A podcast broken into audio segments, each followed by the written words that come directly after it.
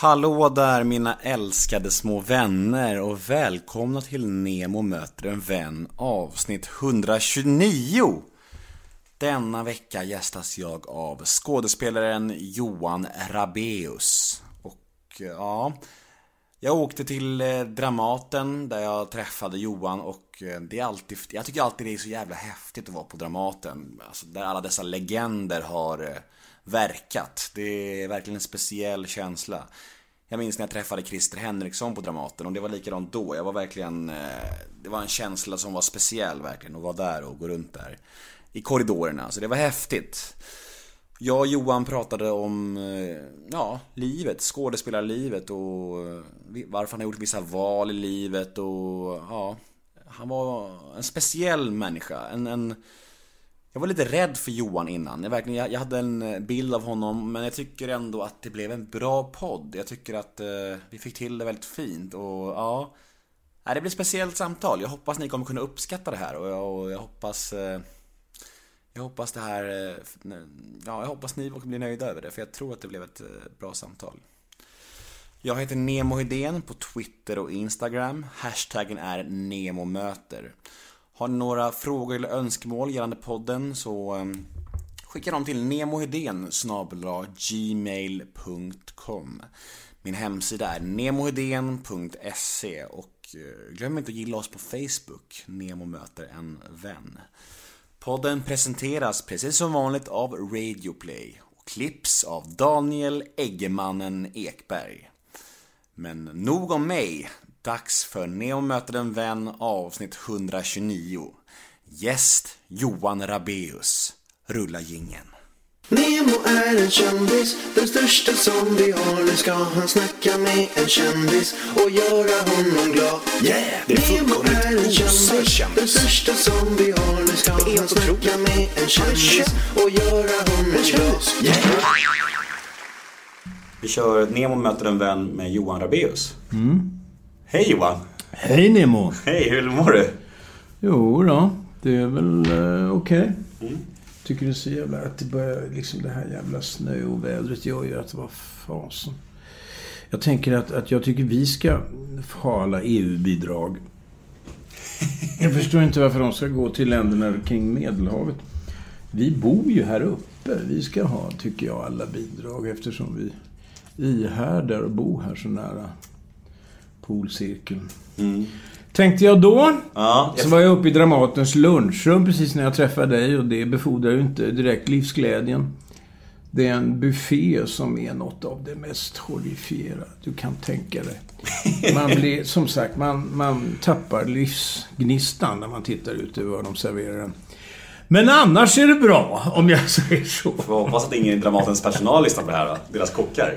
Det kan de gott höra. Jag har inga problem med att säga vad jag tycker om, om det där. Och, och du, känns, du känns som en person som inte har något problem att säga vad du tycker om allting. Om jag får hårdra det snabbt. Du, du är ganska rak. Är du, är du det? Ja, ibland är jag väl det.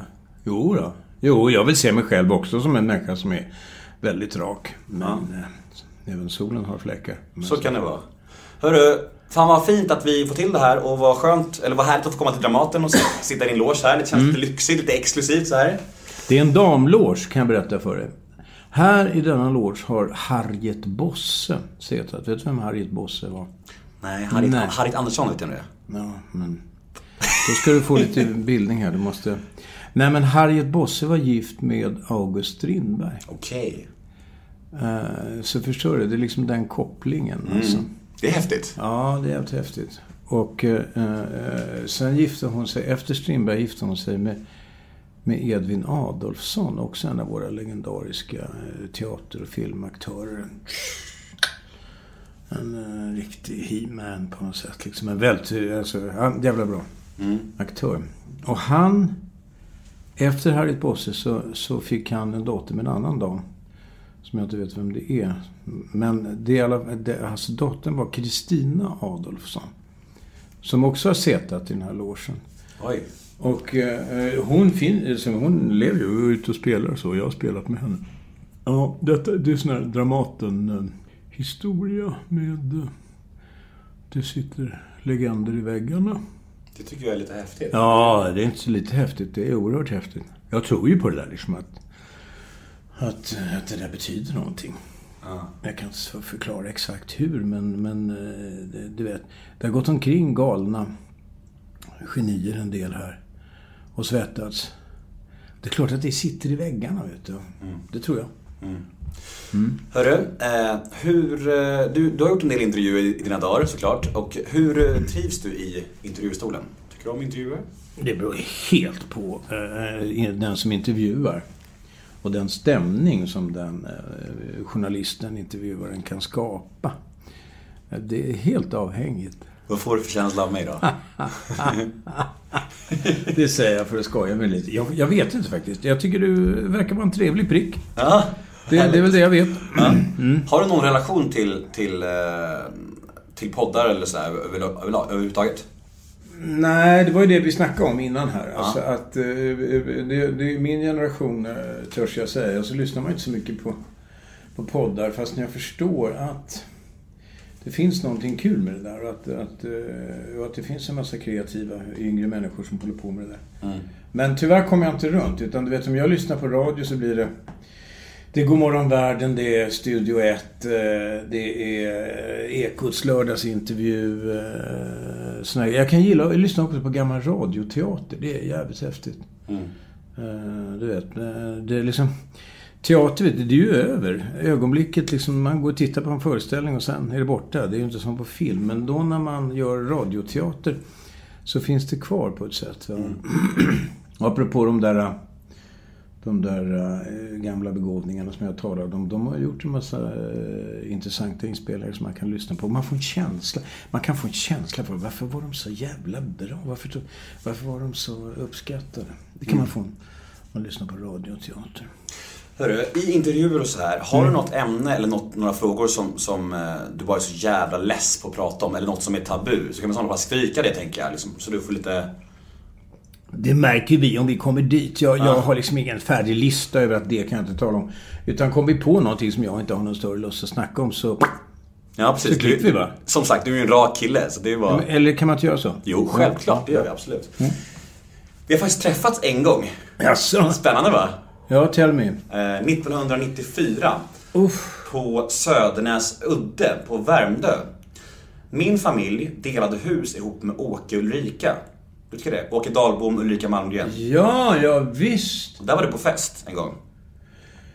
Just det, de hy, hy, hyrde där ute. Precis.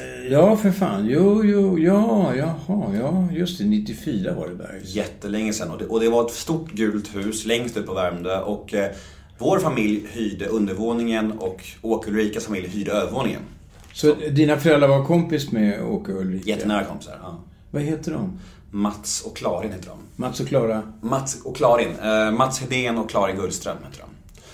Eh, Pappa var med i Galeasen en sväng och spelade lite musik där vet jag. Jaha. Så det, det finns lite sånt i släkten också. Ja, jag fattar. Men det var väl, jag, jag brukar vilja få in en liten koppling. Ja, ja, ja, ja, ja, ja, Så jag har en liten koppling här. Ja, Jag är väldigt förtjust i, i Ulrika och Åke också. eh, Men jag har haft mer kontakt med henne. Därför att hon hade en, en, en teatergrupp som hette Darling Desperado. Just det. Eh, som eh, jag jobbade med en, en fantastisk sommar. De satte upp Bombi Bombi Litt, eller hur? Ja, precis. Det kommer jag ihåg. Och det var väl i den där... Det var, kan inte ha varit 94? Det kan det säkert varit. Någon, någon gång där. Jag kommer ihåg Bombi Litt. Jag kommer jag hade affischer hemma och så här. Ja, just det. hemma. Såg du föreställningen? Nej, du var inte nere i Skåne och såg. Jo, vid Kivik där ju fan. Ja. ja precis. Var, var det... Var, när, alltså jag tappar tiden va, men när var det 94? Det här var 94, tr- runt 94 och jag var sju år då. Ja, jo men jag menar var Bombi Bitt då, då i samband Den med svängen skulle jag gissa, men jag, jag vet inte exakt när det var. Nej, okej, okej. Men jag kommer ihåg att jag var i Kiviks marknad och såg Bombi Bitt. Och det var husvagnar överallt. Ja, visst. Jag bodde i husvagn. Ja. Uh, nej men det var fantastiskt kul alltså. Vi, vi spelade i ett tält och Björn Kjellman spelade uh, Bombi Bitt och, och Lena Nyman spelade Fritiof Nilsson Piraten. Jag gjorde Nils Galilei. Och, alltså, och sen var det en hel klass ifrån scenskolan i Malmö. Uh, med en massa söta tjejer bland annat. Och uh, nej men det var en fantastiskt kul grej. Och ett stort tält som tog nästan tusen personer tror jag. Mm. Och eh, det var liksom en, en, en jättesuccé. Och så var det sådär eh, när Skåne är som vackrast, liksom när sommaren är Det, det, var, det var helt, helt makalöst. En bra tid. Ja, ah, Jesus. Sista natten med gänget så där kan jag ibland tänka på den där gamla filmen. Det känns lite så därför att Därför att det var en massa sådana, eh, lite fri grupp inom citationstecken. Mm. Eh, men Gunilla Rör var med, Pelle Sandberg var med. Och, ja, nej, det var... På tal om legender. Ja, legender och, Ja. och, och, eh, roliga människor. Som kom ifrån den där lite friare, eller vad man ska kalla det för, sektorn. Häftigt, då har vi kopplingen avklarad. Ja, roligt. Eh, om vi spårar tillbaka bandet lite grann. Eh, om du skulle titta på din barndom och din uppväxt och du skulle beskriva den lite kort. Ser du den som jobbig eller bra? Ja, men alltså båda delarna. eh, Tycker jag. Det går inte att säga att den var bara jobbig eller bara bra. Utan den var... Den innehöll... eh, Den innehöll eh, både... mm, Vad ska vi säga? Eh, Väldigt bra saker och eh, saker som ställde krav och var lite besvärliga. Mm. Eh, Alltså jag växte ju upp utomlands. Mina föräldrar var diplomater. Så att... Ja, jag var väl två veckor. Och då bara av till Prag. Där min far var på ambassaden där. Och därifrån efter några år till Paris och därifrån till Stockholm i några månader och sen eh, New York och sen Paris igen och sen kom de till Alger, Algeriet och sen Genève och, och till slut i Bryssel. Så att det var ju liksom ett, eh, ett flackande. Men i plugget då? Vem skulle du säga att du var i skolan? Eh, ja, men fan var jag i skolan? Jag var nog... Jag höll mig... Jag låg lite lågt, får jag nog säga. Jag var en diplomat i plugget, kan jag säga. Jag tänker på gymnasiet som jag gick på, ett internat som heter Lundsberg. Eh, uppe i Värmlandsskogarna där jag hamnade. Och du vet, efter att ha liksom... Eh, eh, jag, mina föräldrar bodde i Paris då. Och komma till Värmlandsskogarna med liksom... Det, det känns väldigt främmande, kommer jag ihåg. Jag, jag, jag, jag, ja, jag var väldigt långt borta hemifrån. Men i Lundsberg, man har hört så mycket historier om det där. Och du, du har säkert fått snacka om det en miljon gånger. Men, men jag måste ändå få fråga. Ja. Hur jävlig var du mot de andra i Lundsberg? Du menar hur mycket penaliserade jag andra elever? Nej, Vad men hette ordet sa du? penalisera. Det får du berätta vad det betyder. Penaliserad.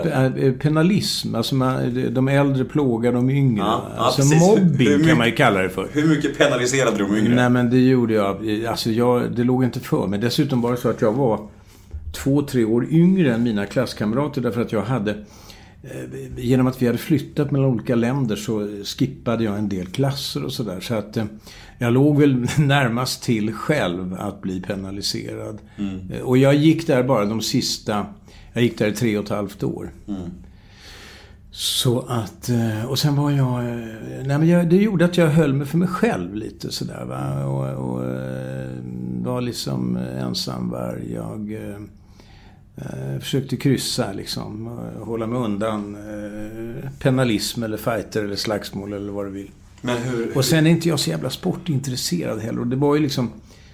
Jag brukar säga om det där att... Att om man... Om man är, sportintresserad och adlig och har ett fideikommiss att åka hem till, då är Lundsberg perfekt. Men om man inte är sportintresserad och inte är adlig och inte har ett fideikommiss att åka hem till, så är man lite av en udda fågel och lite så var det för mig. Vad är de starkaste minnena då från Lundsberg? Om du får bara dra liksom så här. Om du tänker på Lundsberg, vad får du för bild i huvudet då liksom? Ja, vad ska jag säga? Eh, får, det är någon sorts ordning och reda, liksom eh, eh, väldigt disciplinerat, eh, hårt hållet eh, ställe. Det, var, det var liksom väldigt långt, tyckte jag, ifrån det som pågick utanför. Liksom. Eh, Är det som man tror liksom? Hur då? Vad, vad tror du? Nej men alltså man tror, jag vet inte om man ser Ondskan till exempel. Alltså, Ja. Men är det mycket sånt? Ja, men ondskan är ju mer liksom före kriget, va, tycker jag. Mera liksom. Eller eh, alltså, ja, före eller precis efter kriget liksom. Eh, Tidigt f- 50-tal eller någonting sånt där. Det är lite... Och sen har de ju hårdragit det. Även om det finns någonting med det där. Liksom, du vet att det var ju bara... När jag gick där så var det ju bara grabbar och det finns ett... ett eh, alltså det är en väldigt auktoritär uppfostran. Men det var ju då. När jag gick där, det var på 60-talet, det var ett helt annat samhälle än det vi har nu idag. Så att... Eh, det, och det är ju tänkt, du vet, det, det, är de engelska eh, eh, internatskolorna som är förebilden. Och de fostrar ju så att säga, vad ska man säga, unga män i det här fallet till liksom någon sorts ledande befattningar inom i samhället på olika sätt. Alltså, det är väl så det är tänkt. När jag skulle träffa dig och berätta det för min mamma, så sa hon så här. Han känns som en som skådespelare ut i liksom så här varje kromosom. Hon undrar så här, har han, har han haft något van, vanligt jobb någon gång? hon. När kom liksom skådespeleriet in i bil- bilden för dig? Stämmer det som morsan säger, att du alltid har varit skådespelare? Nej, snälla! Jag, jag började liksom... För fan, jag började rätt sent. Jag var 20... eh, fan var jag? Jag fick, mitt första ordentliga skådespelararbete var väl jag 26, 27 någonting sånt där. Morsan, du har fel. Ja, hon har fel. Jag har, jag har haft krog på Marstrand eh, i två år. Jag har jobbat eh, eh, på Svenska Dagbladets börssida. Jag, har, eh, jag jobbade på UD ett slag och skötte sån här jourverksamhet och tjäna pengar. Och, eh, så att jag, jag har hållit på med lite allt möjligt innan jag hittade till det här. Och hur, Sen- och hur hittade du hit då? jag blev kär i en tjej. Som var fantastisk. Och hon, eh, hon gick på en teaterutbildning kan man väl kalla det för. En sån här underground teaterutbildning som heter Teaterstudion. Och eh, jag gick och tittade på henne när hon upp, uppträdde där och så eh, fick jag vara med där på nåder i början. Eh, och sen på den vägen kom jag in i det och upptäckte så småningom att jag passar väldigt bra för det här jobbet. Alltså, thank heavens.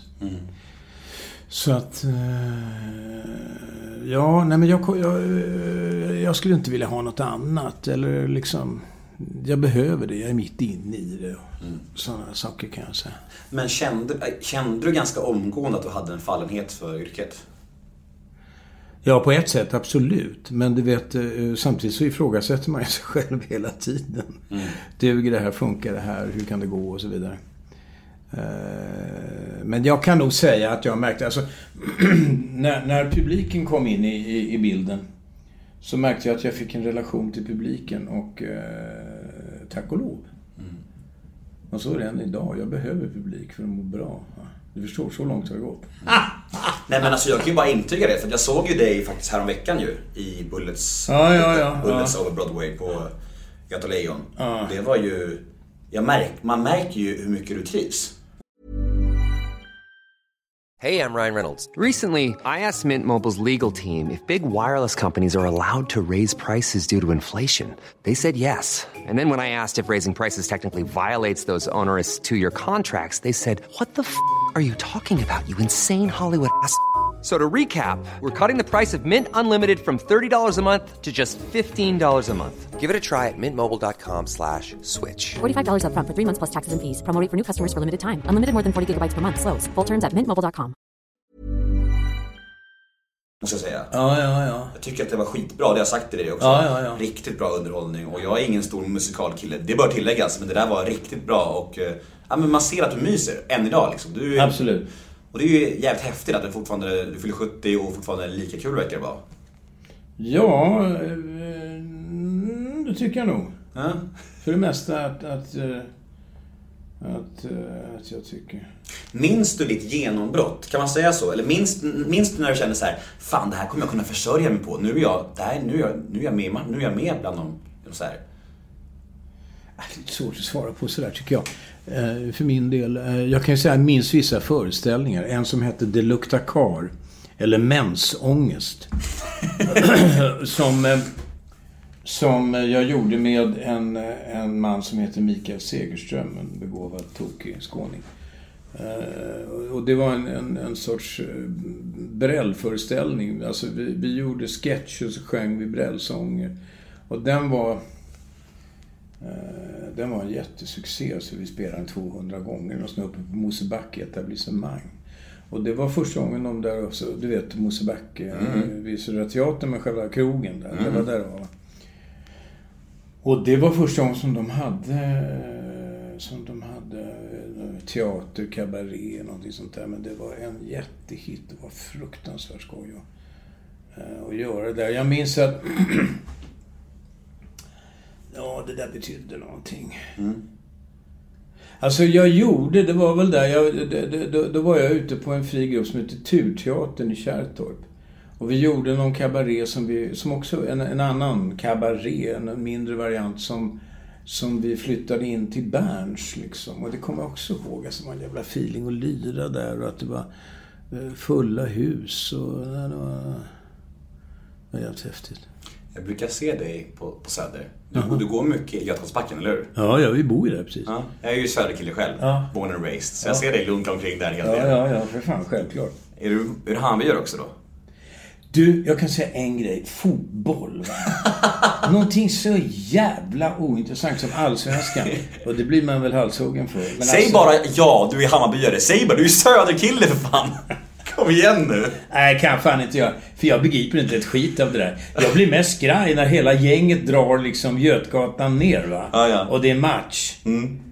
Är, är, är, vad är det? Är det på Globen eller Hovet? Eller? Eh, Tele2 Arena heter det och det är en ny arena där vid Globen precis. Ja, den ligger där. Okej. Var, in. Men när hela gänget kommer där och river gatuskyltar och... Jag tycker jag rätt En gång varje år när det är premiär så, så vandrar ju 35 000 pers i samlad trupp. Nej men hålla med. Du vet om man... Nej fy fan, jag tycker det är skrämmande. Ja. Du, jag vill snacka lite om Ondskan. Jag hade ju med Gustav här, Skarsgård, och han pratade mycket om hur mycket den här filmen har betytt för honom. Att han, att han än idag tycker att den är jävligt bra. Och så här, och, eh, kan du, eh, vad är din relation till den filmen och, och, eh, och den, den rollen du spelar där? Och, och hur minns du den inspelningen? Jo, det han heter Mikael Hovström, han som gjorde, som regisserade. Och eh, eh, eh begåvad kille som jag kom väldigt bra överens med. Och eh, sen hade jag ju hela den där eh, Lundsbergsupplevelsen i, sig, den låg ju liksom... Eh, så att jag hade referenspunkter liksom till, till det mesta av, av det som pågick. Eh, den där. Och sen så tycker jag... Jag tycker boken är jävligt... eh, För mig som kan placera in allt det där som sker där i ett verkligt sammanhang. Eftersom jag upplevt saker och ting som går åt det där hållet. Så, så eh, var den väldigt... Eh, jag tyckte den var jävligt bra alltså. Och eh, själva rollen var ju också eh, kul att göra. Liksom, han är ju psykopat mer eller mindre. Pappan där va. Som han beskriver honom. Eller han, han är sadist eller vad han nu är för någonting liksom. Men han är också produkt av ett, en, en, en gammal tid va. Den pappan, han är ju född någon gång i början av 1900-talet och liksom var säkert väldigt auktoritärt uppfostrad han också. Eh, Och... eh, ehm, Ja, nej, det, det, det, var... Det var... eh, Det var väldigt kul att göra det där faktiskt. Och fick ett väldigt genomslag, måste jag säga. Folk var... eh, Jag fick mycket uppskattning. För den där rollfiguren. Jag tror att jag har läst fem böcker i mitt liv och Ondskan är en av dem. Ja. Och jag håller med, den är Håller du inte med mig? Den är... otrolig. Ja. Otrolig. Jag, jag, jag är väldigt som ADHD-personlighet, jag är väldigt svårt att, att läsa. Ja. Så, men den boken var jag fastklistrad i, hela boken. Den är Ja. fantastisk. Så jag håller helt med. Jo, men den har ju en hjälte också. Va? Liksom, sådär, och han drivs av en revansch och en jävla ilska. Liksom, sådär, som, som är eh, lätt att identifiera sig med. Konstigt att, att inte amerikaner eller Hollywood har huggit tag i det där och gjort någonting av det. Men det kanske har att göra med att det handlar på, om internatskola. Liksom, och de har inte det där på det sättet. Tror jag. Det var väl snack om det då? Att det det? skulle bli komma till Hollywood, tror jag. Den var väl Oscarsnominerad också, var det inte det? Ondskan? Det, det kommer inte jag ihåg. Nej, det tror jag förba... Eller var den det som ut, utländska film? Ja, det var jag tänkte på. Jag tror Ja, det. Jag, är- jag, jag är inte hundra. Vi säger det för Det låter, låter bättre. Ja. Men just den typ av karaktär du spelar i den här filmen. Och du har ju spelat sådana typer en del i dina dagar. Ja. Och där de här riktigt jävla vidriga människorna. Och jag vet inte, hur, varför spelar du sådana så pass mycket? Och du gör ju så jävla bra. Finns det någon Johan Rabaeus i de där människorna? Alltså i din, riktiga person, person liksom? Eller är det bara... Är det därför du gör det så bra? Eller varför tror du att du, du gör dem så bra? Nej men det är därför att jag... Eh, jag tycker det där är kul. Jag är en bra skådespelare som eh, tycker att det där intresserar mig. Alltså man kan säga också att ondskefulla typer många gånger är mycket mer komplexa eh, att göra. Um, men jag har vid gud spelat annat också liksom. Ja, ja, ja. Men det är klart att jag kan väl, om jag bara på rak arm tänker på... På... eh, på alltså så är det klart att jag har gjort många sådana grejer kanske på film och, och, och TV. Men och även här, om man tänker på Amadeus och Salieri, den girige, två roller jag har gjort här sista tiden. Det är klart, det är liksom inga eh, eh, duvungar, höll jag på att säga. Liksom, det, det, det, det kan man väl säga. Är det... Är det vad, men, Men jag menar, det, det, det, jag tycker... Det, det är karaktärer liksom. Den tredje, Macbeth, eh, vad fan, alla är ju... Men jag vet inte, jag, vad, ska man säga? Mark i Vadköping. Finns det någon genomgod figur? Ja, det gör det väl förstås. Jag bara sitter och tänker på... Om jag tänker på bra roller så är det oftast liksom sådana komplexa typer av lite mer eller mindre ond karaktär och så. här. Det måste jag säga. är det också de som är roligast att spela? Ja, det, skulle jag, det kan jag påstå. Det är i alla fall... Eh, eh, det kan ofta vara jävligt kul att, göra det. Det, det, det. det tycker jag. Vad för sorts roller är det svårast att göra då, skulle du säga? Ja, fan, jag vet inte vad jag ska säga. För jag tycker inte att... Jo, nej men paradoxen kan vara till exempel den där, i den här musikalen du var såg, den där figuren där va. Nick Valenti. Nick Valenti som ju är, det, det är ju en liten roll i sammanhanget men, men han har ju en vikt va. Men där, det svåraste där, och det var att hitta den där rösten. Du låter så jävla knarrig. Den låter... Nick. Jag vet inte, du, Böstan ligger ju där. Mycket whisky på Nick Valenti. Ja, jag vet inte vad det är. Det är på skoj. Det är ju lek. Men, men, men alltså... eh, Men att, att sen... eh, Svårast hade varit om man har misslyckats med, antar jag. Eller jag kommer inte på. Men, men just Bullets over Broadway som jag Ja, spelade. ja. eh, När Woody Allen satte upp den första gången. Ja. Det var väl i Hollywood va? Ja. eh, var det när Nick... Han gjorde film av det alltså. Ja, i filmen då, var Nick Valenti den rösten då så då också? Nej. Nej? Nej, nej, nej. Han var mer hunsad på något sätt, skulle jag vilja säga, än jag spelar honom. Jag spelar honom som att han, han är hopplöst förälskad i henne, Olive Schima. Alltså hon kan göra vad som helst, han bara älskar henne. Eh, och i, i filmen är han mer... Hon plågar honom mer på något sätt sådär. Eh, Ja. men det är väl det vad jag valde att göra på det här sättet. Shima, jag måste bara säga, jag tyckte hon var helt otrolig också. Nej, men hon är fantastisk. Fan, magiskt. Hörru, det här med annars då, när man gör film, teater, tv-serier, vad man än gör, vad man än skapar. Känner du själv när det sitter? Förstår du vad jag menar? När ni gör en scen så här, kan du känna så här, fan det här sitter? Och så kan du nästan bli förvånad när regissören säger, vi tar en omtagning där. Ja, kan jag svara på det rakt upp och ner. Det känner jag, man. Det känner jag. Jag känner det. När det sitter. Absolut så är det så. Sen kan jag ju ha fel. Sen kanske det inte är det regissören vill ha. Men utifrån min synvinkel och känsla så kan jag ha ett sätt som jag vill göra det på intuitivt. Och när jag får till det, då... Men kan det inte uppstå en konflikt då, tänker jag, med regissören för att ni har olika bilder av hur det ska vara? Och du kanske inte har, det kanske är en ny regissör, en ung. Du kanske har din rutin som du står på, förstår du vad jag menar? Jo, visst för fan. Eh, man kan ju råka ut för människor som ska tvinga in en i något, något de har... Eh, liksom någonting de har tänkt ut på kammaren om jag säger så. Och som inte funkar i praktiken. Jag tycker ju liksom att, att eh, en figur, en pjäs, den blir ju till under arbetet med den så att säga. Man upptäcker ju tillsammans vad det här är för någonting. Eh, och ju mer det är på det sättet, ju roligare tycker jag nog att det är. Alltså att det finns en öppenhet från eh, regissörens håll. Och så måste det vara, han måste ju vara förs- en, en förtjusning liksom. Eh, du vet, jag, jag, jag, jag gillar att jobba med människor som är hängivna.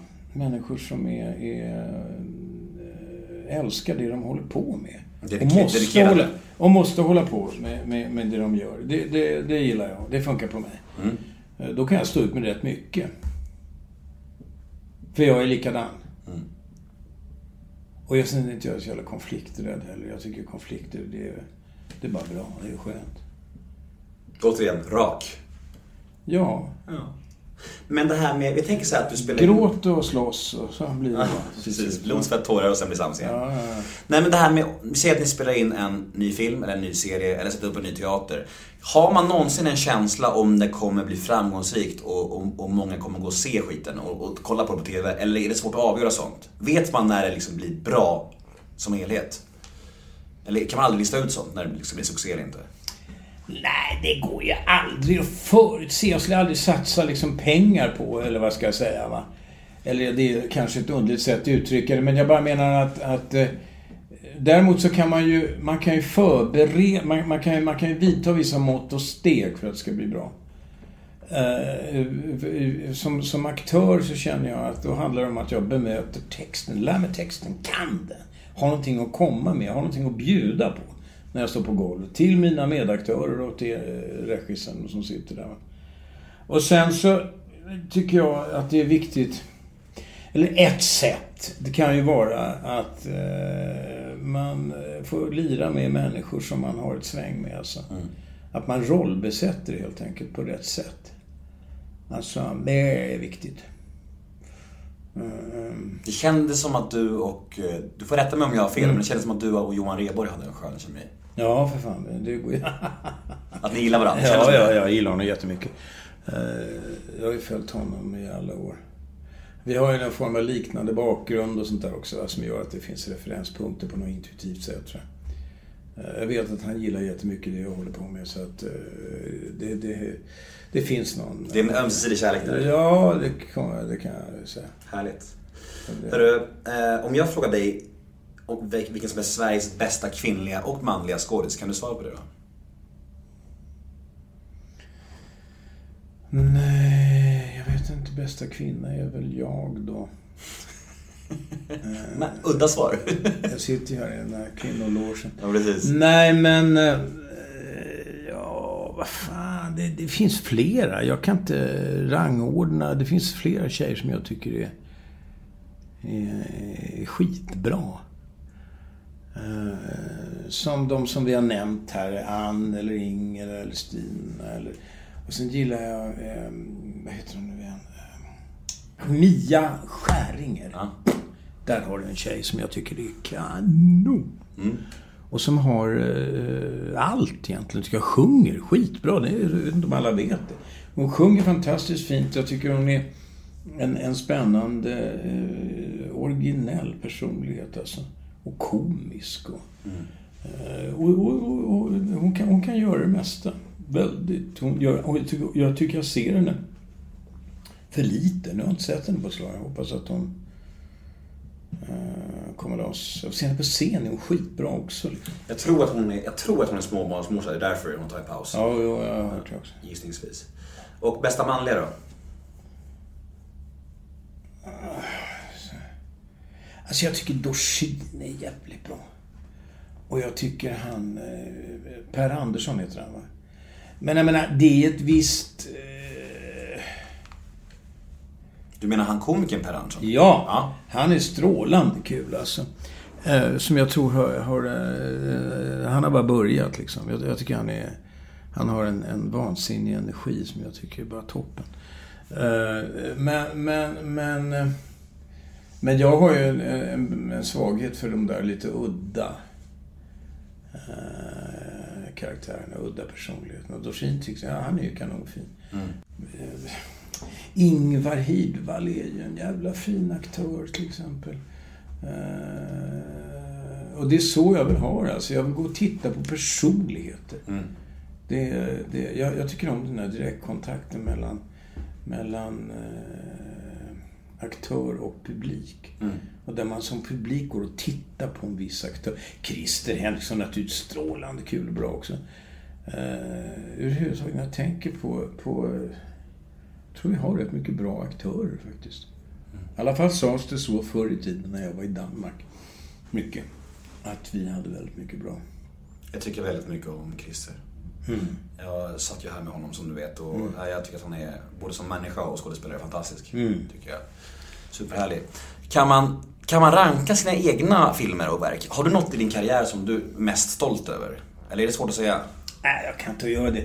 Det finns vissa grejer som jag gillar jävligt mycket, som har betytt otroligt mycket för mig. Till exempel när jag var på den där scenen där och spelade med eh, Ernst-Hugo Järegård och gjorde en grej som hette eh, VD. Nu pekar alltså Johan över gatan så vi Vi säger till över lyssnarna. gatan här på, på eh, lilla scen. Ja.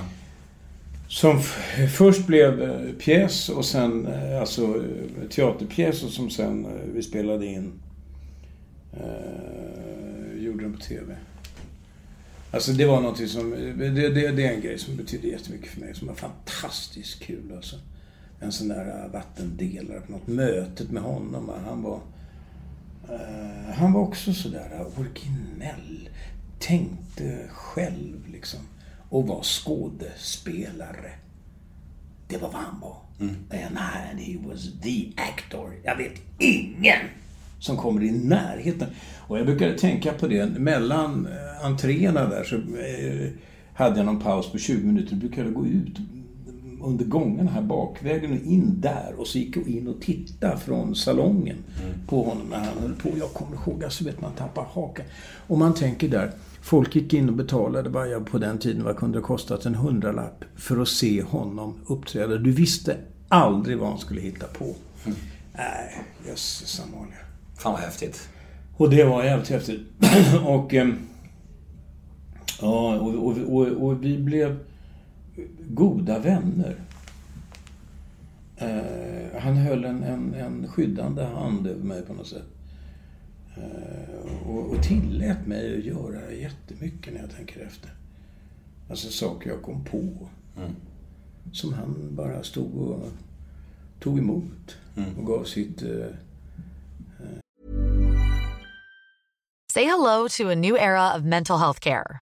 Cerebral is here to help you achieve your mental wellness goals with professional therapy and medication management support. 100% online. You'll experience the all new Cerebral Way, an innovative approach to mental wellness designed around you. You'll get a personalized treatment plan from a therapist, prescriber, or both in a safe and judgment free space. Your Cerebral therapist or prescriber will outline a customized plan with clear milestones along the way so you can get to feeling your best. With Cerebral, you're not alone in your mental health journey. We're here to empower you to live a fulfilling life.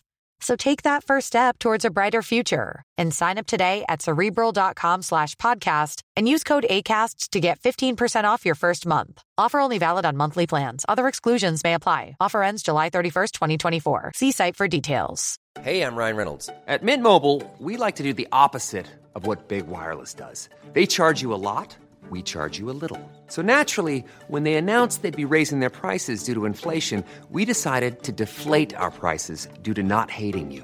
That's right. We're cutting the price of Mint Unlimited from $30 a month to just $15 a month. Give it a try at mintmobile.com slash switch.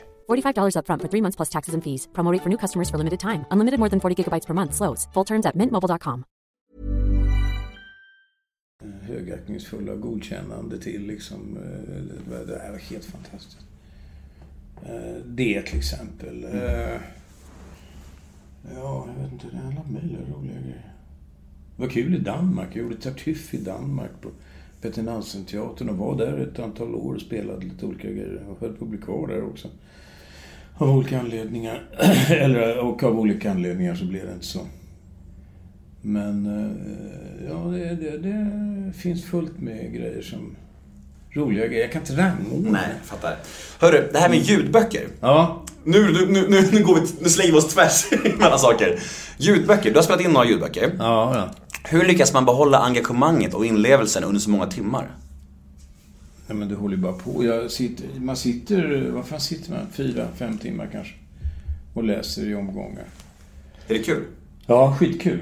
Väldigt kul. Men jag är väldigt förtjust i text. Jag gillar eh, att bolla med ord. Alltså jag tycker... Eh, ja, det... det det eh, tycker jag jättemycket om. Alltså det, det är kul.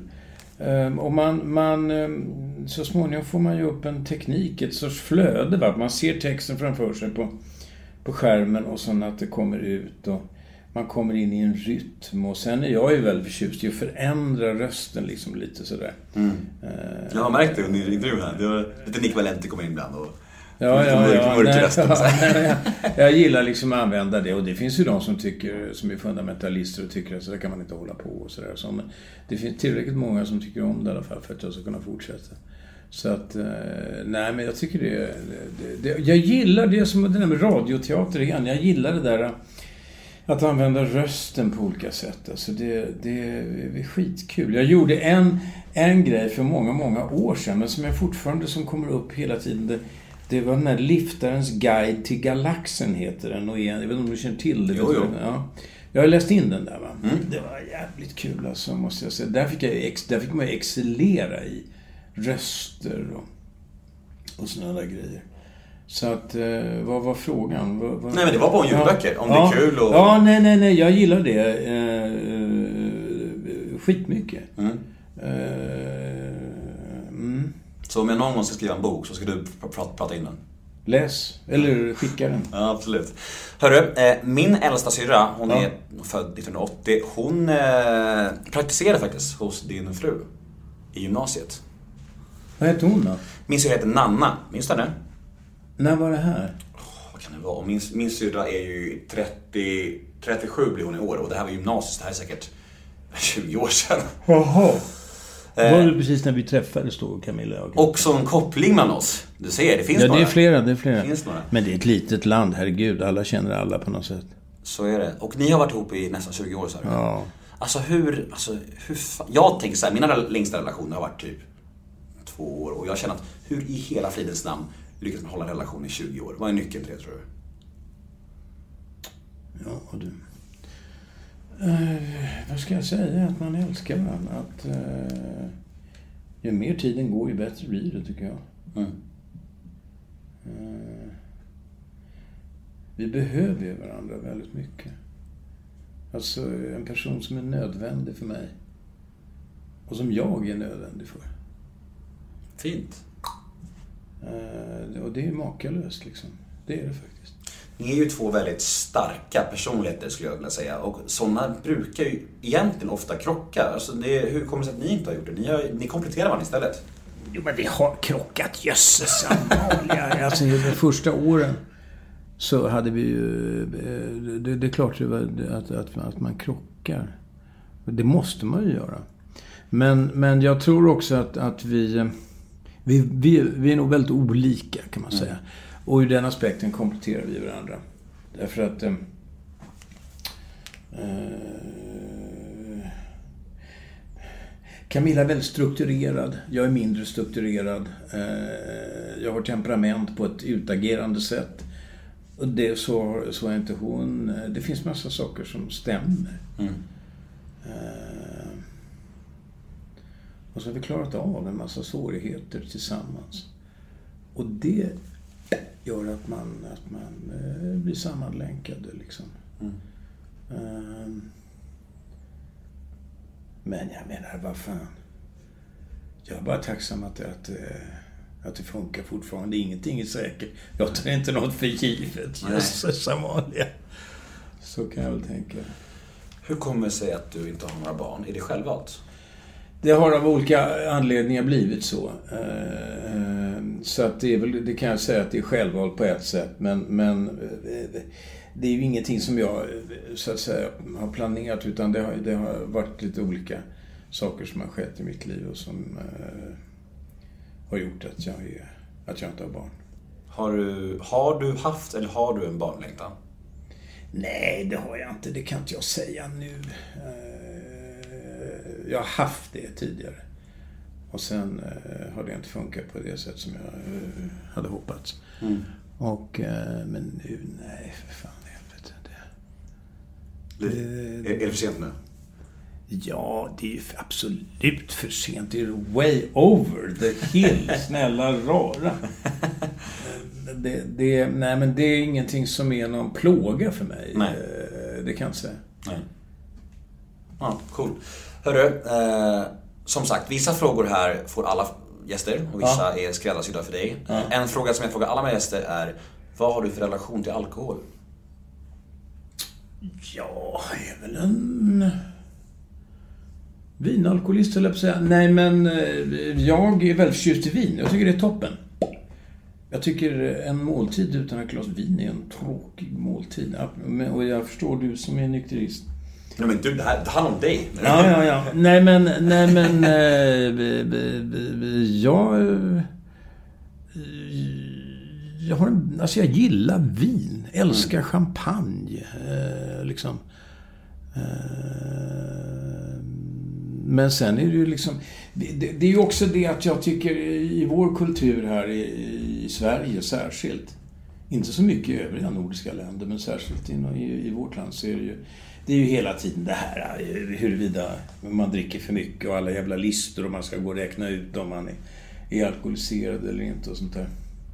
Som gör att man ibland funderar på, på eh, huruvida man dricker för mycket. Jag vet faktiskt inte. Men jag tror ni har ett yrke också där ni ändå kommer undan med att dricka mycket. Alltså, det, det är inget som heller alltså, skadar er så mycket. Det är nästan, nästan bra för er image på något sätt. Nej men liksom, förstår du vad jag Ja, menar? du menar så? Dr- Sex, drugs and rock'n'roll? Liksom. Nej men lite, de flesta skådisar jag har träffat, jag, jag, jag gav några namn till dig. Vi har ju Ja, Christer, ja, Leif, Leif André, ja. Johannes Brost. Det är ju inga som spottar i glas det Nej, nej. Någon av dem. Och, det och jag tror att just skådespelargubbar, om man får säga så, kommer ändå undan med det. Liksom, det funkar med deras jobb på något sätt. Dricka mycket. Ja men alltså, vad är att dricka mycket? Det är det jag undrar över. Alltså, eh, jag bara tänker på min uppväxt när jag såg de här diplomatgubbarna. De hinkade ju massvis. Och de drack ju starksprit. Jag dricker inte starksprit liksom. Eh, så att... Eh, och jag menar, jag, alltså jag dricker ju inte när, när, eh, om jag jobbar. Kan jag, inte, jag kan ju inte sitta och käka en lunch och dricka vin och sen gå och spela på kvällen. No way. Det funkar inte. Utan det är när man, det, alltså det har ju också den där eh, grejen, du vet, att man varvar ner. Va? Eh, eh, och då, då, då tycker jag ju att om jag får dricka ett par glas vin, då går, jag, går jag ner. Droger? Nej. Aldrig? Nej, Nej, för fan. Alltså jag, jag, men eftersom jag är liksom en sån här 68-barn, eller vad jag ska kalla det för, eller 70-talsproggare, så är det klart att, att hash hasch och sånt där, va. Men det funkar inte på mig. Jag blev djupt deprimerad och fick såna här suicidala tendenser och skulle hoppa från tak och sånt där. Det, var, det funkar inte. Det går neråt för mig. Mm. min, min, den, den positiva drogerfarenhet jag har haft det var när jag eh, hade en kompis i Skåne som var någon agronom och hade tagit med sig från Afrika där han var och jobbade för Sida så han hade tagit med sig såna här marijuanafrön. Och som han sådde i en grönsaksåker. Och, eh, och jag ringde till honom vid något tillfälle så sa han, ja jag har en hel åker med, med, med sånt där, eh, grönsaker med sånt, eh, marijuana, sånt där liknande sånt från Zambia. Eh, men vi rökte, de märkte ingenting och sådär. Nej, så.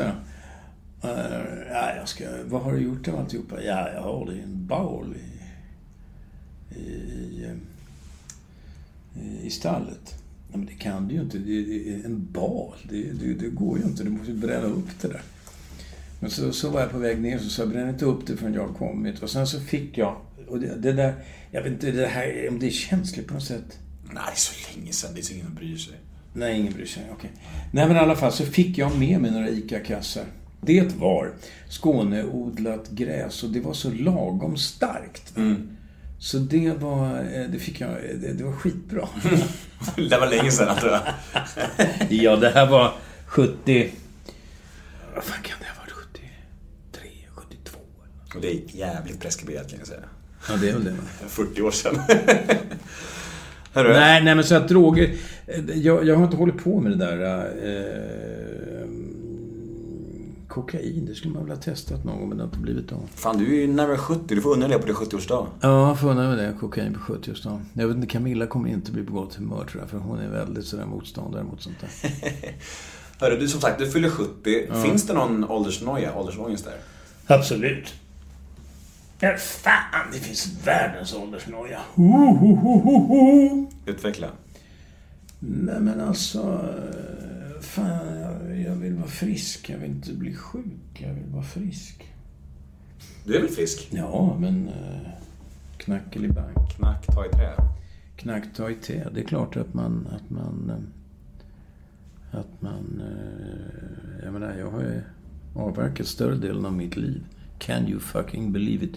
Nej, men så är det ju. Ger den tanken dig ångest? Ja, ja, ja, det kan jag säga att den gör i omgångar. Eh, säkert på ett indirekt sätt. Gör mig mer hysterisk än jag var tidigare. I don't know. Men... Eh, nej, men det är klart som fan att... Eh, att... Eh,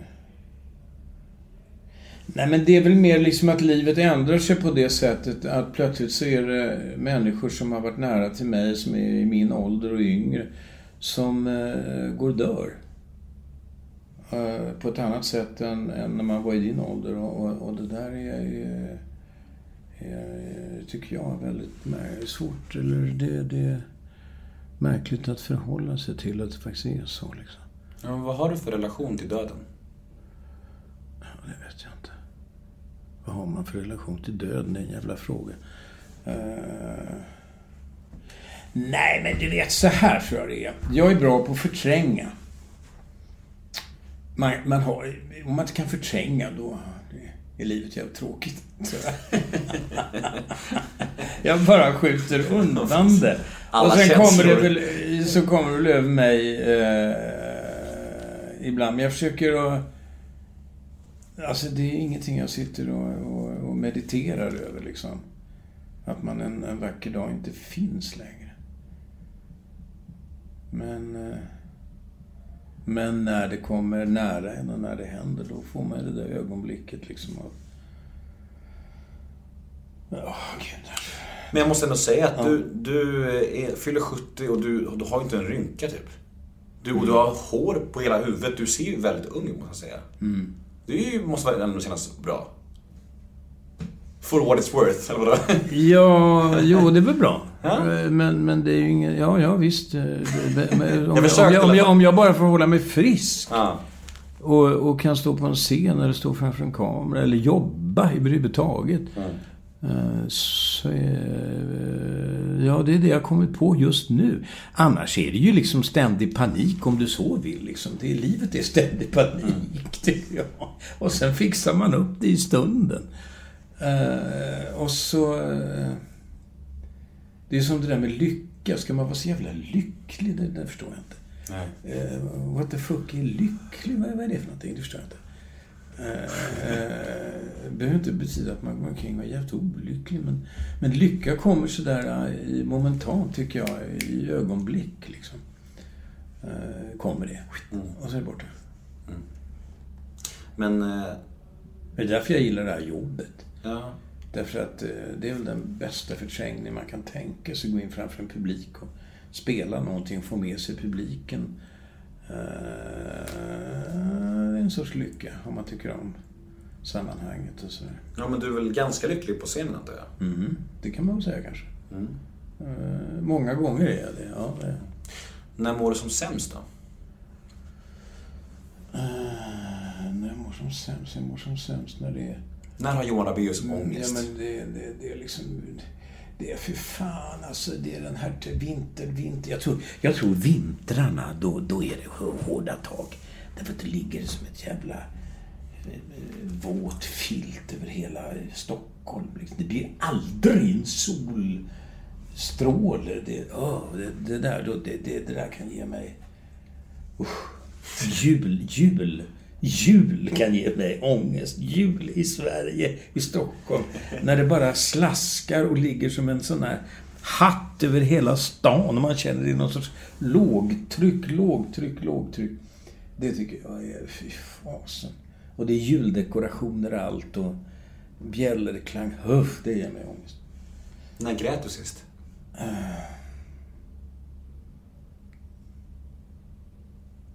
Ja... När grät jag sist? Det händer titt som tätt. Tack och lov händer det titt som tätt. Eh, jag hade en god vän som, som gick bort väldigt oförhappandes här förleden. Eh, och det var jävligt tungt. Eh, då, då hände det och ja, det händer lite, det händer lite då och då. Mm. Ibland när jag börjar tala om gamla tider med gamla, gamla kära vänner som jag har känt sedan jag var fem, sex år gammal. Så satt vi och grät ihop, Gunilla och jag. Det, ja, nej, det kommer då och då. Sådär. Det är väldigt bra. Jag tror att eh, vi män, Nemo, vi mår bra av gråt. Alla mår bra av gråt. Men framförallt herrarna, tror jag. Jag kan, jag kan bara tala för mig själv och eh, jag mår ju sällan så bra som när jag har gråtit efter. Jag känner mig ju renad på ett sätt som är helt unikt liksom. Jag håller med dig. Så tycker jag också att det är. Det är, det är ett litet underverk det där. Du, du har ju varit med i Stjärna på slottet. Melodifestivalen, Let's Dance. Du har varit med i väldigt mycket senaste åren. Kan man göra vad som helst för pengar? är min fråga. Ja, du tittar på mig. Det går ju tydligen. Men det finns de som tycker att det är botten att jag absolut inte borde ha gjort det. Och det bara bevisar att jag är någon förskräcklig kommersiell historia. Jag vet inte. Men vad då? vad var frågan? Kan man vara med i vad som helst för pengar? Nej, men, men, men jag tänk, tänk så här, gör de här grejerna för att det är kul eller gör det för pengarna eller gör det för att... Jag vet inte, var- varför gör man alla de här grejerna? Jag gör det för att jag tycker det är kul och för att, Ja. för att jag tycker också att, att det är någon... Det är en del av det där jobbet jag har. Det är en del av... av, eh, av, av, av, av nutiden. Det är ungefär som att, jag, att vi sitter och poddar här. Det, det, det, det, jag, ser ungefär på... Det, det, måste ju pröva på lite olika saker. Och sen är det så att jag kan inte ta mig själv liksom Eh, sådär självhögtidligt. Det går inte. Man måste liksom ta det från den lättsamma sidan. Eh, jag brukar säga att jag håller på med underhållning. Det, det är det jag gör. Jag håller på med underhållning som, om, om jag har tur och ibland i vissa lägen så kan det bli konst.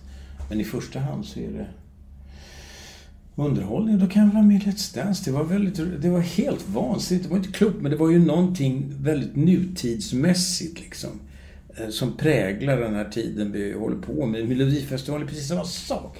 Det var ju också något så fullständigt vansinnig tillställning. Man tror inte det är sant liksom. Men, men jag, jag skulle inte vilja vara utan det där. Det var väl... Eh, helt eh, underbart surrealistiskt och knäppt och, och, och roligt liksom. Och, eh, och Stjärna på slottet, ja. Var samma sak liksom. Det var, det var den där dokusåpa, vad det heter för någonting som det. Men det var ju med Kim också. Kim Andersson som jag gillar så jävla mycket. Och Johan var med också. Eh, där träffade jag en massa förtjusande personer. Christer Lind, där tycker jag jättemycket om. Och, ehm, Vilken tror du är den största missuppfattningen om dig? Vad fan är det? Det vet jag inte. Folk tror att jag är elak liksom därför att jag spelar elaka roller. Men du vet ju hur det är. Folk blandar ihop. Eh, folk blandar ihop en scenpersonlighet man spelar med den man är privat. Eh, men jag menar, det är någonting man får stå ut med tänker jag. Liksom. Det är bara det. Men, men så tror jag det är ofta. Eh, mm, det tror jag. Vad tror du? Jag vet inte. Nej men lite det du är inne på. Jag, jag, av, av kommentarerna att döma när jag la upp det här Instagram-inlägget om det jag skulle träffa dig så var det många som frågade Åh, är han lika elak som han är i Ondskan? Och hej och man är så rädd för honom efter Ondskan. Sådana där grejer. Och det tror jag att folk, men det är ju alltså, är folk så jävla tröga som man tror att man är den som en roll man spelar? Jag vet inte. Jo, så tror jag det. Alltså folk har ju en bekantskap med någonting. De ser den i rutan bara sådär. De, de tycker ju att de känner Roffe Lassgård eller de känner eh, en aktör liksom sådär. Man, man gör sin bild. Ja, gör man ju själv liksom. Ja men så är det ju. Eh, eh, så att... Ja, Jag blev ju skitförvånad när jag träffade Johan Rheborg till exempel. Jag, jag trodde så här, han är nog säkert en så här jättelättsam eh, Solsidan Fredde typ. Men han är ju värsta jävla tänkaren ju. Han är ju liksom jättekänslig konstnärssjäl och verkligen så här analyserande och du vet så här, inte alls som jag trodde. Och så är det ofta som människor. De är inte som man tror om man verkligen slår sig ner med dem och ger dem en ärlig chans och öppnar sina sinnen lite. Det är ju typ därför jag har en podd också, för att få nyansera bilderna kring människor liksom. Så nu när folk hör det här, nu kommer folk få höra att Johan Rabaeus inte alls är en... Nej, Psykopat. men jag tror, nog, jag, jag tror nog att jag skrämmer folk, många. Eller ibland tror jag, eller de har någon sorts respekt för mig. På något sätt. Det, det, så kan jag tro att det är. Du är lite auktoritär, är du det? Inte ett piss. Men, men jag kommer ju för fan, jag, jag kommer ju från en sån bakgrund. Om det är någonting jag har ägnat mig åt ett helt liv så är det ju liksom att göra uppror mot det auktoritära. Och gilla, jag gillar inte det. Nej. Utan, eh, jag menar... Jag inspireras av sådana människor som Frank Zappa eller Peps Persson eller... eh, det fanns en underbar konstnär som hette Kjartan Slättemark, en galning sån här borderline-personlighet, men som var helt fantastisk. Och, alltså, jag, jag är väldigt förtjust i sådana människor liksom. Eh, och det, och det finns något gemensamt drag som är anti-auktoritärt, va, som, som appellerar till mig. Men det hänger ju ihop med också hur jag har vuxit upp. Va? Ja, det, det fanns såna underbara gubbar när jag var liten. Lasse Månsson till exempel. Fantastisk, gud helt galen komiker. Eh, och där, där kommer in en sån som Freddy Wadling. Va? Det är plötsligt någon som jag glömde bort här i sammanhanget. Men det är också en sån som, som, jag, eh, som inspirerar mig. Och det, alla de där är anti-auktoritära människor. Liksom. De, de, det finns en galen öppenhet. Va? Det är inga människor med dogmer och, som fördömer, utan de är galna och inspirerar, menar genom sitt öppna eh, sätt. Men, nej visst, men, men, men eh, ja... Eh, jag vet inte vad fan talar vi om. Men, Jag vet men inte. nej, jag vet inte heller. Vi flög ifrån, det brukar bli så. Ja, ja. Men det är bara härligt ju. Ja, nej men så där kan jag tycka liksom att... att eh, ja, nej vad fan, jag skiter i dem. Jag ska vara helt uppriktig skit jag högaktningsfullt i. Vad fan folk tycker och tänker om mig. Det är en skön inställning. Jag måste göra det liksom. Mm. Jag kan inte... eh, eh, det.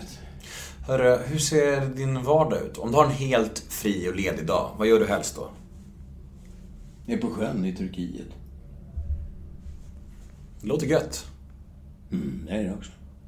Du hade stuga där eller? Vi har ett litet hus där och sen har vi en, en båt. Det var så vi kom dit från början. Därför vi har seglat ihop mycket, Camilla och jag. Och du undrar hur man kan leva ihop så länge. En, en av, en av, en av eh, medlen för att hålla ihop ett förhållande, det, det är att segla. Navigare necesse est, som romarna sa. Det är nödvändigt att, att färdas på sjön eller segla. Nej, men, men eh, eh, det älskar jag helt enkelt. Det är fantastiskt att få bara havet, horisonten och att vara i rörelse. Liksom. här. Det, det, jag skulle säga att det är, det är maximalt. Och det är långa sjok, vet du. Man gör sådär en 60 sjömil en dag. Nu går den där båten tuffa på, men det är alltså, då handlar det om ett antal timmar. Va? Då man, är, då man är mitt ute på havet och eh, båten bara... Det finns en balans med vinden och farten. Va? Du målar upp en härlig bild. Ja, men det är en härlig bild. Du frågar mig vad, om, jag, om, jag får, om jag tänker mig något sån där... eh, Ja, det sa vi tidigt, såna lyckliga ögonblick. Det där är såna. Fint att, knyta, fint att knyta ihop säcken på det sättet. Ja, ja, då gör vi det. Hörru, vad röstar du på? Ja, jag är gammal grå sosse liksom. Ja. Jag är gammal grå sosse, men jag menar, jag tycker sossarna är lika deprimerande som Sverigedemokraterna. Så att det är liksom ingen större skillnad, men det är bara det att jag kommer från den generationen och jag... Eh, ja, nej men så är det. Men jag tycker det är sorgligt med... med eh,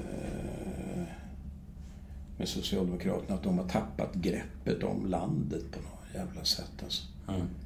Eh, Men jag röstar på sossarna. Det gör jag. Trivs du i rollen som offentlig människa? Ja, det har jag inga problem med. Du menar om folk känner igen mig Ja, och sånt där? Nej, nej, nej, nej. Jag kan inte beklaga mig över det. Eh, eh, Jag tar selfies med folk och så här. Tycker du det är härligt? Det är helt okej, för fan. Det, jag har inga problem eh, med det. Eh, eh, Förr i tiden så var det ett problem... Eh, vad heter han nu igen? Han som spelar Olyckan, Ted Åström. När, när folk var på fyllan på stan så kunde de komma fram och hälsa på Ted Åström. Och om jag sa att nej men jag är inte Ted. Då höll jag på att åka på en snyting. Liksom. så att det, det är väl... Nej, men jag har inga problem med det. Men du har ju ett yrke där folk alltid kommer tycka och tänka massa Ja, om dig. Och ja. eh, du sa nyss att du egentligen skiter i det. Men, men jag tänker så här, men recensioner och sånt då? Eh, kritik och sånt där. Ja. Hur, hur tar du sånt? Går det in i dig eller rinner det bara av dig helt? Eh, nej, alltså jag tycker, jag tycker det är rätt kul att läsa det. Därför jag tycker det är en reaktion på det arbete man håller på med. Eh, men sen har jag haft en jävla tur med att jag inte har fått så jävla mycket dåliga recensioner. Nej. Men jag menar, skulle jag bli tilltvålad så klart som fan att man tycker att det är, är jobbigt och så. Men sen måste jag säga också att man, att man lär sig en sak med tiden. Eh, och då tänker jag i första hand på teater eh. Det är ju det att det enda som verkligen betyder någonting, det är publiken faktiskt. Så kan de skriva vad fan de vill. Och nu för tiden det kom, alltså det finns ju en del recensenter, kom och hjälp mig liksom. De har sin egen agenda. Det har liksom ingenting att göra med vad vi håller på med. Utan det sitter någon som ska skapa sig en profil och visa att jag finns till och hej, titta i mediavärlden vad jag kan... Du vet sådär. Eh, lite som Alex Schulman gjorde när han kom eh, till makten, höll jag på att säga. Men alltså, genom att... Och, och, han hade ju sin egen agenda liksom. Det hade ingenting att göra med dem han tvålade till. Utan det var ju bara för att han eh, skapade sig en plats. Jag vet inte om du kommer ihåg det? Om du När han, när han kom ja, när han hade Ja. sin stora blogg där och han Ja, sving, svingade vilt. Ja, han svingade vilt. Va? Så, men, men, och, och, och sen finns det ju en massa män som är olika politiska agendor och sånt där som sitter och kritiserar. Och, ehm, men det, det, alltså, jag kan ju inte säga att jag har råkat ut för det själv så jävla mycket, men jag läser ju andra recensioner och ser det där och tycker eh, jävligt illa om det. Och då är det ju så att det som betyder någonting, det är vad, relationen till publiken, vad som händer eh, med en föreställning i förhållande till de som sitter och tittar. där. Och om det är knökfulla hus, du vet, i ett och ett halvt år eller vad det nu kan vara.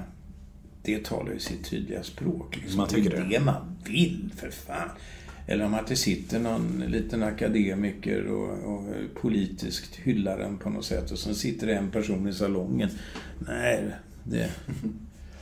Så tänker jag. Ja. Dagens fråga, Mm. dagens brev, lyder så här. Hej Johan! Jag läste ett stycke ur Börje Ahlstedts självbiografi där du framställdes som otroligt dryg, självcentrerad egoist som Ahlstedt konsekvent vägrar arbeta med. Då du inte respekterar ensemblen utan brukar köra din egen slags one man show. Vad är din åsikt angående detta och hur är din relation med Börje? Jag säger bara Nej men alltså jag gillar ju Börje. Han, är- han är en eh, eh, strålande eh, aktör. Han är en jävla bra skådis. Eh, eh, så. Men, men... Men... det här kan jag inte ta på allvar. Det, det är liksom... Eh, jag vet ju det där. Han, höll, han var på mig och på Micke Persbrandt och han buntade ihop oss två. Och sa att vi var... eh, Det där som han säger. Men alltså jag kan inte ta det på allvar. Jag, jag gillar Börje. Han behöver sälja sin bok. Det är helt okej. Jag kan inte ta det där på allvar. Nej. Finns det någon sanning i det? Nej, vadå? Vad skulle det vara? Nej, det, är jag- bara, det, det, det är rena eh, dumhet med han. Jag tror inte ens han tycker det där. Nej. Därför att, därför att dagen innan den här kom ut, den här boken, då stod han i den här korridoren och kramade mig och förklarade för mig att jag är... Han älskar att jobba med mig. Han förklarade att vi måste upp på scen igen snart. Och det tror jag faktiskt att han eh, menade. Eh, det där kan jag inte ta på allvar. Men har, du- har, du, har du snackat med honom om det här? Om, om boken? Aldrig? Nej, nej, nej, nej, nej. Nej. Det är bara dumheter. Ja. För, om jag som jag ser det. Jag önskar honom all lycka med försäljningen istället, så att han kan försörja sig. Det, det är helt okej för mig. Ja. Jag, jag, kan, jag kan inte ta det på allvar alltså. Nej, men jag jag blev lite förvånad, snedstreck imponerad att du inte ens tar lite illa upp. Jag skulle bli lite så här, vad fan skriver han egentligen? Alltså lite så. Nej men eh, tidningarna ringde ju när den där kom ut. Ja. Så jag har redan sagt vad jag tänkte om det Ja. där då. Okej. Så att jag har hört det där förut. Ja. Naturligtvis. Eh, Men, men... eh, Nej. Det, det, det där är... ja, Det är något tokeri han håller på med. Det är ingenting att ta på allvar. För min del menar jag. Det är ingenting som jag bekymrar mig över. Nej. Whatsoever liksom. Jag fattar. Hörru, har du några personliga misslyckanden i karriären? Alltså saker du ångrar? Något, nå- nå- någon show, något, något gig, något som du bara känner såhär, shit varför i helvete gjorde vi det där för? Eller kanske något TV-framträdande eller någonting på rak arm som du bara... Det här skulle aldrig gjorts liksom. Värsta är att det tycker jag inte att jag har. Tycker inte det? Så då är jag väl oerhört självupptagen då. Nej, nej, men jag, nej, men det som kommer upp och som man tänker i första hand, det är väl liksom... Eh, nej, men allt det där på vägen dit som man gjorde när man jobbade eh, i, i fria grupper och sånt där. Så fick man vara med om så här förnedrande situationer. Men det, det kan jag...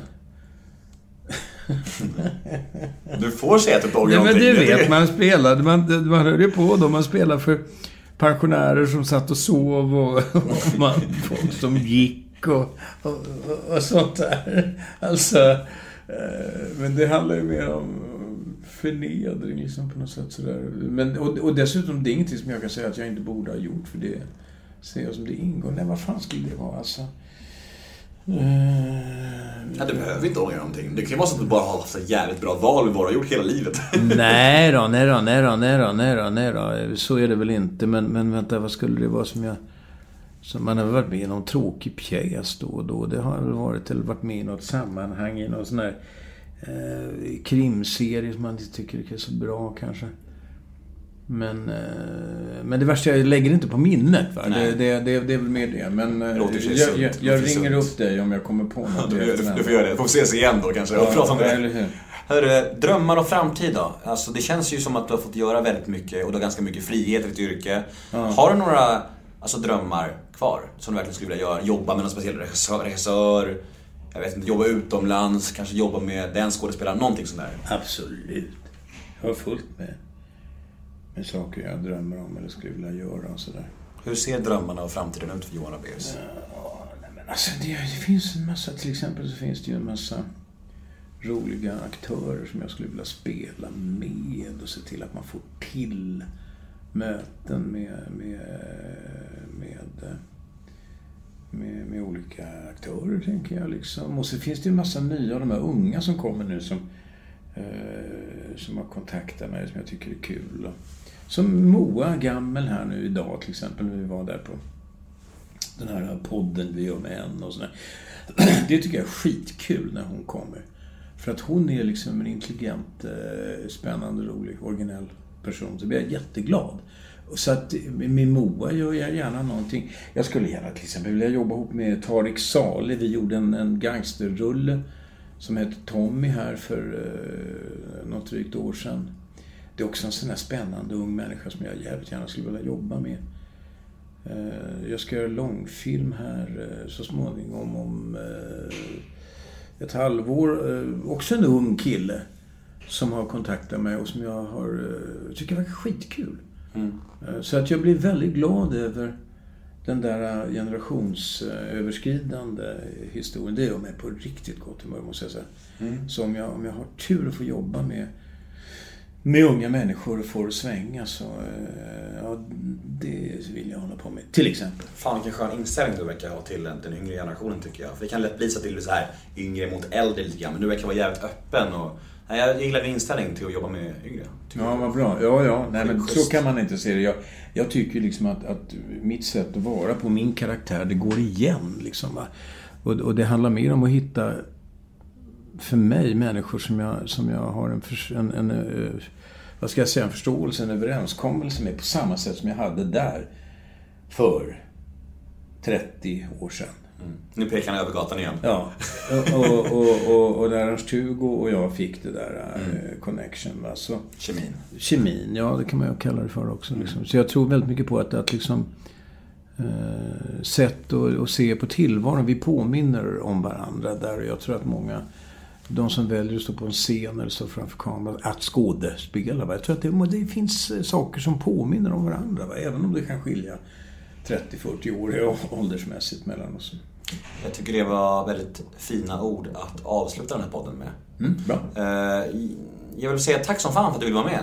Toppen. Och jag heter Nemo Idén på Twitter och Instagram. Hashtaggen är NEMOMÖTER. In och gilla oss på Facebook. Nemo möter en vän. Säg tack till Johan Rabaeus. Tack Nemo. Hej då! Hej då.